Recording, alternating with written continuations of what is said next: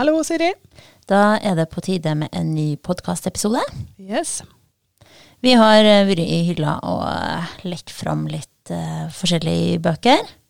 Felles for dem er vel kanskje at uh, de handler om oppvekst. Vi skal innom litt realisme, en god del drama. Og så blir det en tur på skolen. Og det passer jo godt ettersom du er lærer, Tone. Ja, jeg har jo jobba som lærer i flere år, så jeg, når jeg så ei bok som het 'Assistenten', og så var det sånn bilde utenpå sånn, fra sånn typisk eh, skolegang, da, med hyller og skolesekker som henger, og sko som ligger strødd, så tenkte jeg at den eh, så litt interessant ut. Det er noe du kjenner deg igjen i? Det var noe jeg kjente meg igjen i, Mm. så tenkte den må jeg prøve meg på. Og den var, hvis du har jobba i skolen, så vil jeg si at du kjenner deg godt igjen. Men den er ganske fornøyelig kanskje for dem som ikke har jobba i skolen nå, tenker jeg da. Alle har jo et forhold til skolen. Vi har jo gått på skolen alle sammen. Ja, alle har jo gått på skolen, i hvert fall i Norge, som Ja. vi kanskje kommer tilbake til i noen av dine bøker da, Siri. Men Mm. på, i Norge så går vi jo på skolen.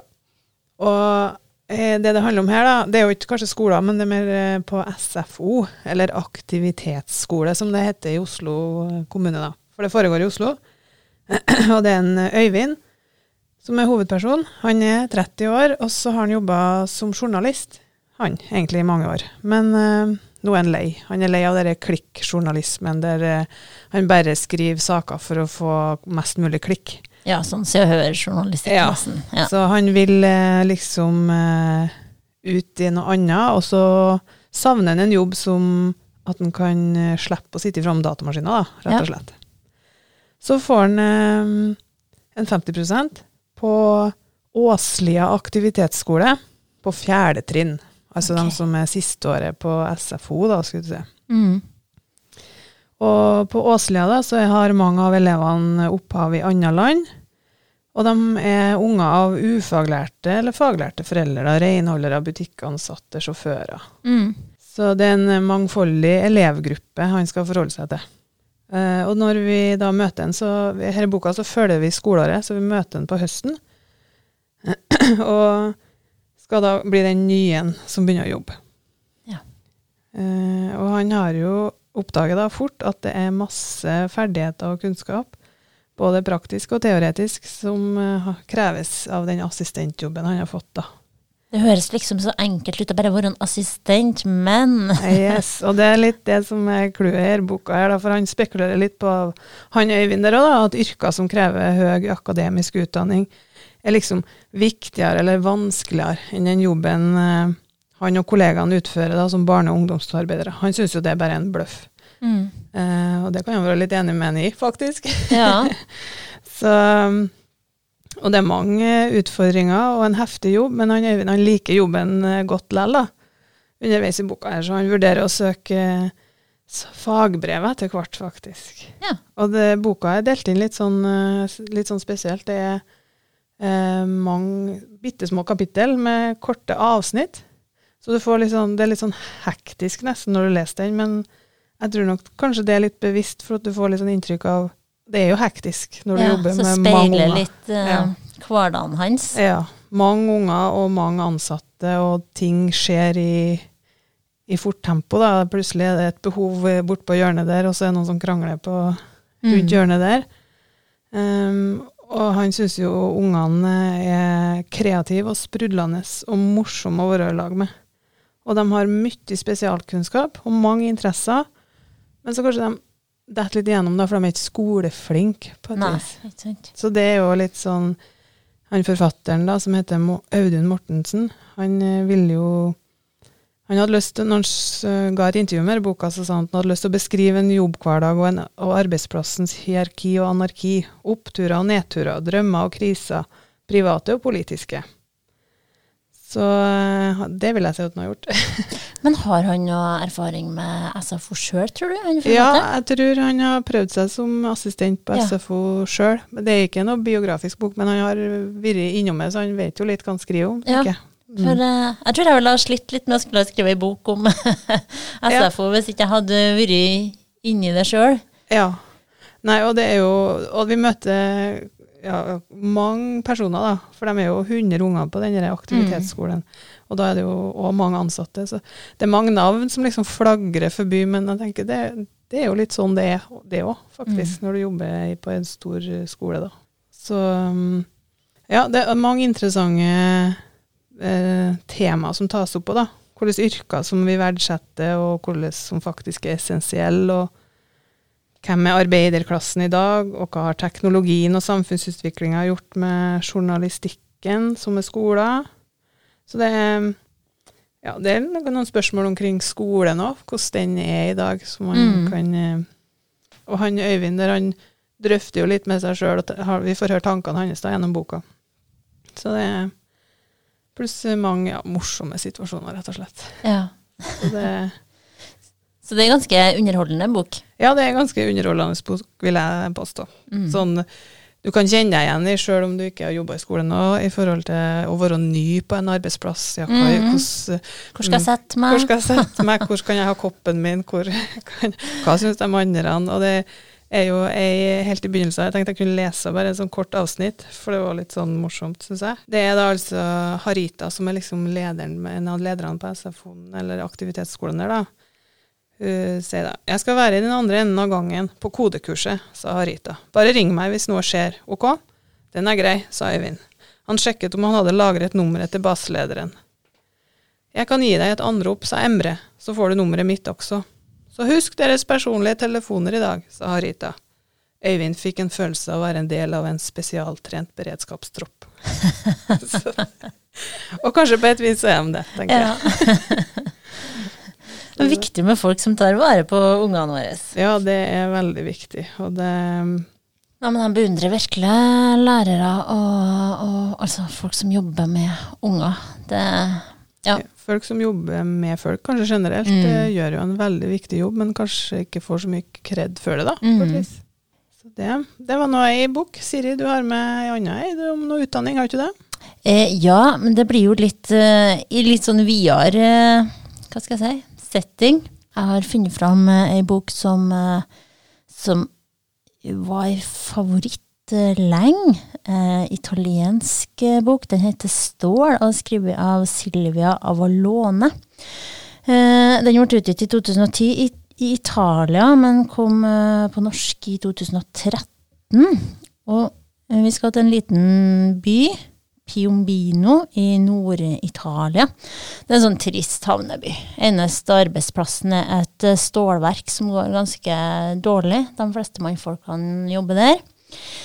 Eh, og det er en fattig by. Det er falleferdige blokker de bor i, og eh, narkotikaen flyter, deales liksom kokain på gatehjørnene. og Litt sånn trist plass. Veldig trist plass. Forurensning og ja, i det hele tatt.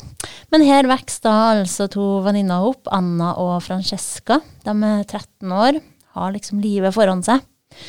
Og drømmer så klart om en annen, eh, et annet liv. Eh, bort ifra denne lille drittbyen. Eh, den ene av dem er flink på skolen, den andre er ikke. Og så er de litt ulike. Den ene er lys, den andre er mørk. Så de er litt sånn motsetninger.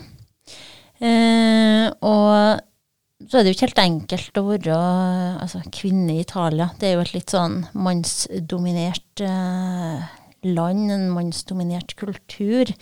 Eh, damene har tradisjonelt sett bare skulle vært hjemme, og de skal være fine og ja, ikke sant, lage mat og alt det der. Eh, Så de blir jo fulgt med på, da, både av eh, fedrene sine, som står og kikker med kikkert når de er på stranda og sånn. Ja, Såpass, ja. Og, og så klart eh, ti år eldre gutter som ja, har sine opplagte hensikter. Men de drømmer som sagt om en annen framtid, så de ikke ender opp som en sånn rusa tenåringsmor som blir banka av mannen sin, for det er det jo mange, mange der som gjør. Og så tar de ulike valg. Eller valg og valg. Altså Francesca, da, hun Faren hennes blir skada, og hun er nødt til å ta seg av ham, så hun får ikke lov til å gå på skolen. Sånn livet tvinger dem Ja. på hver sine Og faren har liksom bestemt at eh, han vil kun pleies av dattera si. Så hun må bare slutte på skolen og, og gjøre det. Mens eh, Anna hun fortsetter jo på skolen og kommer seg på en måte videre i livet. Eh, og sånn eh, skilles jo på en måte deres eh, veier. De tar, eller ja, ulike valg, og, og viser da litt hvordan retning livene deres tar.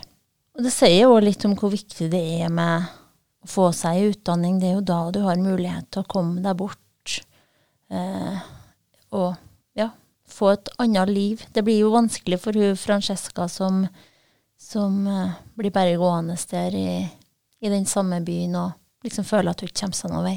Ja. litt fanga. Mm. Eh, så det er en sånn bok som har, eh, har fulgt meg i mange, mange år. Men handlinga, er den lagt til nåtid, eller er det litt Ja, den er lagt til tidlig i 2000-tallet. Ja, Eller det- nåtid, Så, ja, ja, nåtid og nåtid. 20 Men det, år siden, men, men det er forholdsvis nært, da. For Ja. jeg kan jo tenke at det høres ut som det er litt gamlere på et vis. mm. Nei da, det er tidlig i 2000-tall. Ja. ja, nei, det er Livet blir ikke alltid som en tenker det, kanskje. Nei. Ja, Men du har med deg mer, du òg? Jeg har med meg om det er to, to jenter, ja, da, skulle jeg si, eller de blir nå voksne etter hvert da, i denne boka her. Eh, men de har vært et liv i lag, så de er litt annerledes. Yeah. Det er um, 'Hundedager' av Trine Lise Rygg. Hun debuterte med den boka, i, så den er fra 2020. Det handler da om uh, Tess, som uh, har flykta rett og slett fra heimbyen sin. Mm -hmm. uh, Mora hennes var ikke alles grei, da. Så det som er, at uh, Tess, uh, mora til Tess, Alice heter hun, hun blir funnet nederst i uh, sin egen hage av en nabo. Det begynner boka med. Og der ligger hun da kun iført undertøy og tøfler, og som en pengerull i handa. Um, så hun blir frakta til sykehuset med en uavklart situasjon. Og så har det bestandig bare vært Tess og mora. Og det er ingen andre familiemedlemmer. Um, så da må de nødt til å ringe til Tess. Men Mm. mora og Tess har ikke hatt kontakt på ti år. For um, den ble brutt i Tess brøt kontakt med mora når hun flytta for ti år siden. eh, I lag med bestevenninna si Eivor. Da flytta de over fjellet, står det bare. Så det, oh, yeah. det er ikke noe liksom sånn Vet ikke alle hvor hen i Norge Jeg ser for meg det i Norge, da, men du vet ikke helt hvor hen det foregår. Men Men det er tydelig at da er det noe Det er ganske mye imellom dem. ja, det er mye mellom Ja. dem. Hun har villet liksom bryte og flytte. Mm.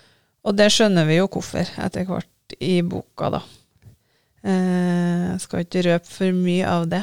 Men eh, det som er, er jo at hun, mora har jo en hund som også heter Tess.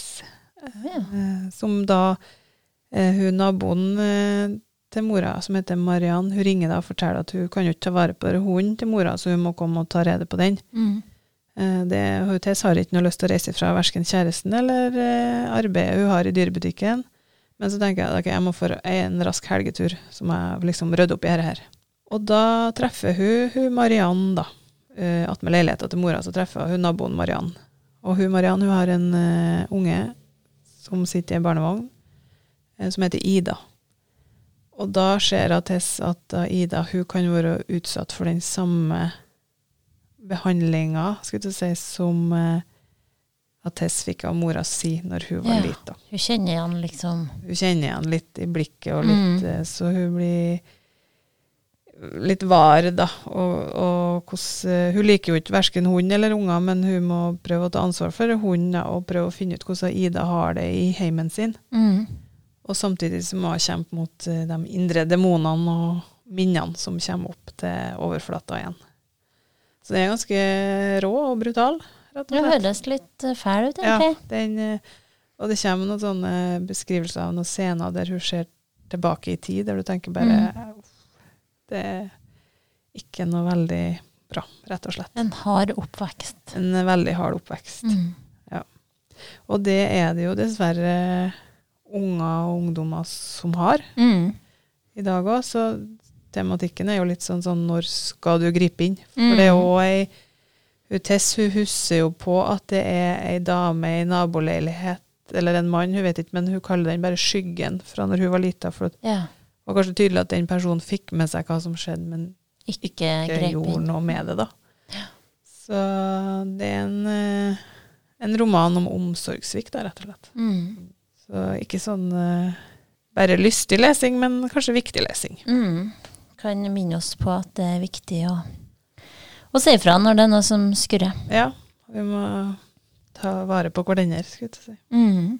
Så det var kanskje Vet ikke, har du noe med litt mer lyst? Ja, si. Ja, jeg fortsetter på en måte der jeg, jeg slapp. Jeg har jo liksom fylt til Italia en tur, jeg nå. Ja, du er ikke Det høres herlig ut.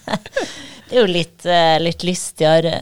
Eh, nei, eh, den forrige boka jeg snakka om, heter jo Stål. eh, og hvis man har lest Mi briljante venninne av Elena Ferrante, og har lyst på litt mer eh, i den sjangeren, skal jeg til å si, så er, jo, er det jo den Stål-boka jeg absolutt vil anbefale.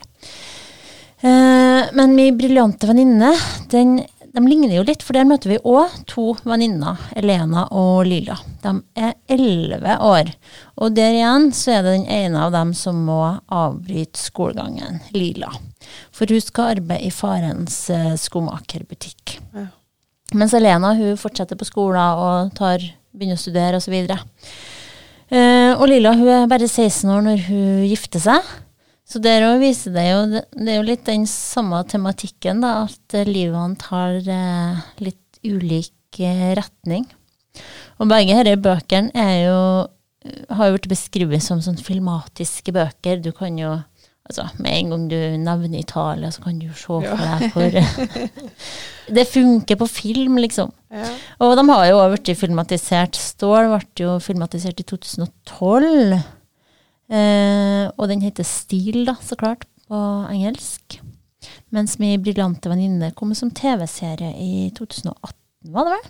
ja, den er ganske ny, den, ja. Mhm. Den har vi jo tilgang til på Ja, på biblioteket så kan du få tilgang til, eller du kan ordne tilgang sjøl, på Filmoteket, som det heter. Og der ligger hele serien. Så med et eh, lånekort så, så har du faktisk tilgang til den. Mm. Ja, og så har jeg med ei eh, bok som er kanskje litt sånn i forhold til den briljante venninne, hun som gifter seg når hun er 16 år, da. Her er det, og kanskje ikke livet blir alles som hun har tenkt det, men her er det jo ei som Hun har jo ikke gifta seg når hun er 16, men eh, livet ble kanskje ikke helt som hun har tenkt det lell. Nei. Eh, det er da Boksen gård av Therese Aasvik. Det er um, ekteparet Ruth og Alf som vi blir kjent med. Og de er litt sånn typisk eh, Veldig typisk ektepar, om man kan si det sånn.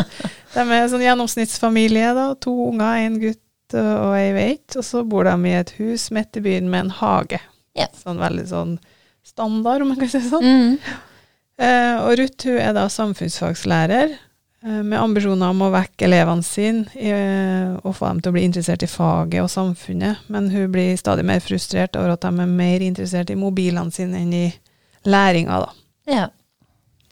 Så hun samler inn mobiltelefonene når hun kan, og innimellom så mister hun kontrollen og skriker til de elevene. Sikkert noen som kan kjenne seg igjen i det, og tipper jeg. ja.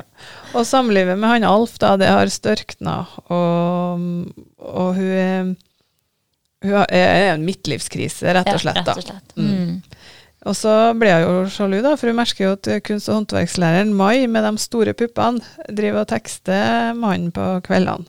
Oi. Så Ruth er ganske sikker på at eh, de har et forhold, og at alle andre vet det, men ikke hun, da. Så det som er, er at Ruth drømte en gang om å bli kunstner, men så kom ikke hun inn på kunsthøgskolen. Og jeg gjorde to forsøk og ble, fikk nei begge gangene, så mm. måtte hun gjøre noe, da, og da ble det lærerskolen i stedet. Og så nå har hun nok alltid hatt drømmen da, om å bli kunstner. Så den energien og det da la hun inn i det huset som hun overtalte ektemannen til å kjøpe, da. Og det var sånn type oppussingsprosjekt, og han var ikke så veldig handy. Men hun var veldig entusiastisk, og Mhm. så ble nå det huset på en vis pussa opp etter hvert, og der bor de nå. Um, så litt sånn ja, Hvis du har sett frustrerte fruer, så Mhm. litt sånn i den eh, gata. Midtlivskrise, og så kan en humre seg noen, eh, over noen scener. Og så er det jo litt sånn trist òg noen ganger oppi det hele, da. Fordi at det er Ja. Det er hverdagens uh, Uh, ja. ja. Des, kanskje dessverre gjenkjennelig noen Ja. gang. Men uh, det er altså da en artig bok, men den kan jo leses som litt sånn trist historie om knuste drømmer og ambisjoner, da. Mm. Uh, så jeg har ikke kommet helt til Jeg har ikke vunnet blitt helt ferdig med det. Men det er jo bra, for da røper jeg ut hva som skjer. Nei. Helt trygg for det. For ikke hør slutten. Men det som skjer, er jo at det kommer en, eh, en donasjon inn eh, til den skolen hun Ruth jobber på. Og han Alf jobber jo som naturfagslærer på samme skole, da. Ja. Det glemte jeg å si. Men, eh, eh, så de kommer det en donasjon der de skal sette opp et eh, en kunstprosjekt i skolegården. Det høres ut som det kan bli litt drama her. Ja, jeg tror nok det, det blir det. Og, og det er vel derfor han eh, Alf tekster med kunst- og håndverklæreren, da, for at de har fått litt sånn, de har fått oppdrag, men så har ikke Ruth fått med seg det her. Så hun føler seg litt sånn eh, eh, Jeg vet ikke, lurt ut på sidelinja, og Mm. så er det ingen som vet at hun har denne kunstnerdrømmen, da, for det har hun liksom Hilly stilt om. Ja. Så, men når dere kommer opp, da, så eh, tar hun og sier at nei, men hun skal komme med et forslag til det kunstprosjektet, da. Ja. Og det går hun inn i med liv og lyst, tror jeg. Ja. så det kan jo Ja. så skal vel elevene få lov å liksom avgjøre hva det er som de skal stille ut i skolegården, da. Mm.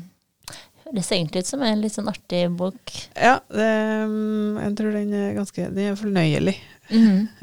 Litt lett og snertent språk, og ja, eh, ganske friske scener noen plass, kan en si. Ja, men det trenger vi. Litt eh, friske scener. Det er bra. Ja, vi må kanskje tøle såpass. Mm. Så det var nå eh, tre bøker der, og du hadde nå noen bøker? Ja, jeg har ei um, siste bok med meg. Det er egentlig ei ungdomsbok. Jeg driver jo og leser det litt innimellom òg. Eh, men jeg syns jo godt den kan leses av, uh, av voksne òg. Ja, jeg har jo drevet og anbefalt ungdomsbøker eh, tidligere, Ja.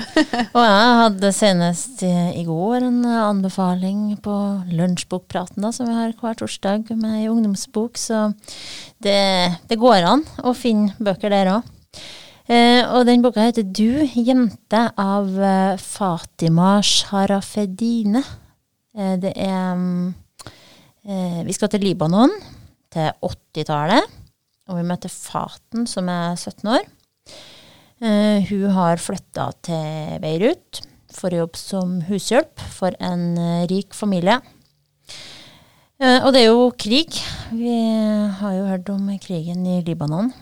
Men det er egentlig ikke det som bekymrer Faten mest. Eh, hennes bekymring er jo at hun faktisk må jobbe som hushjelp, og ikke liksom ah, Hvordan liv er det, da?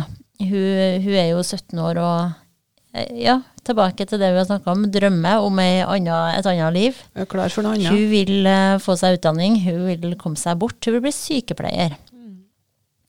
Eh, men hun får jo ikke lov til å så klart ikke å gå på skolen, hun har ikke noen bøker, hun er jo liksom stuck med denne støvekluten og ja. Eh, så, så hun får etter hvert eh, kontakt med en eh, nabo som hun bare ser ifra vinduet, da, og etter hvert får sendt en lapp til en. Og får etter hvert både smugla inn litt bøker og litt info om hvordan hun kan få seg en utdanning, da, sånn på si.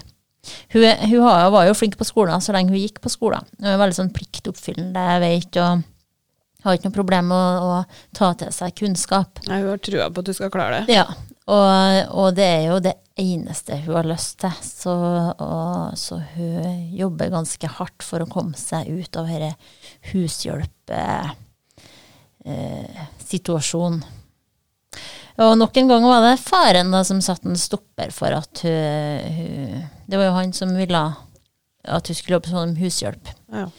Og det er jo litt det som går igjen, i hvert fall disse bøkene jeg har med, da, at eh, fedrene setter en stopper for utdanninga til døtrene sine. Og selv om det er en litt sånn fjern tanke her i Norge, så er jo det tilfellet ganske mange plasser i, i verden. da. Ja. At uh, veitene er nødt til å jobbe for å tjene penger. Og det er jo guttene det blir satsa på, og veitene de får holde seg hjemme. Ja, det er dessverre sånn. Så det er jo, det er jo en liten sånn tankevekker. Og sier jo litt om hvor, hvor viktig det er å, å få seg utdanning og få seg framtid som kanskje ser litt lysere ut enn hvis en ikke får noe utdanning. Mm. Og det kommer det jo fram litt forskjellen For jeg har jo, det er alle de bøkene jeg hadde med i dag, faktisk, de er jo fra norske forfattere. Mm. Mens du har jo italiensk og er fra Libanon, så da, da kommer det jo fram litt om forskjellene i samfunnet òg. Mm. Merkes det jo veldig Det godt når vi sitter og prater her, nå hører jeg. Mm. Ja, så det var tre bøker fra Norge, og så var det tre bøker fra utlandet. Og tre ganske nye og tre ganske gamle. Ja. Litt sånn rød tråd i forhold til oppvekst og utdanning, men uh, ellers ganske forskjellig innhold, da, vil jeg påstå. Mm. Og de står i hylla, så det er bare å komme og låne. Det er det. Takk for oss.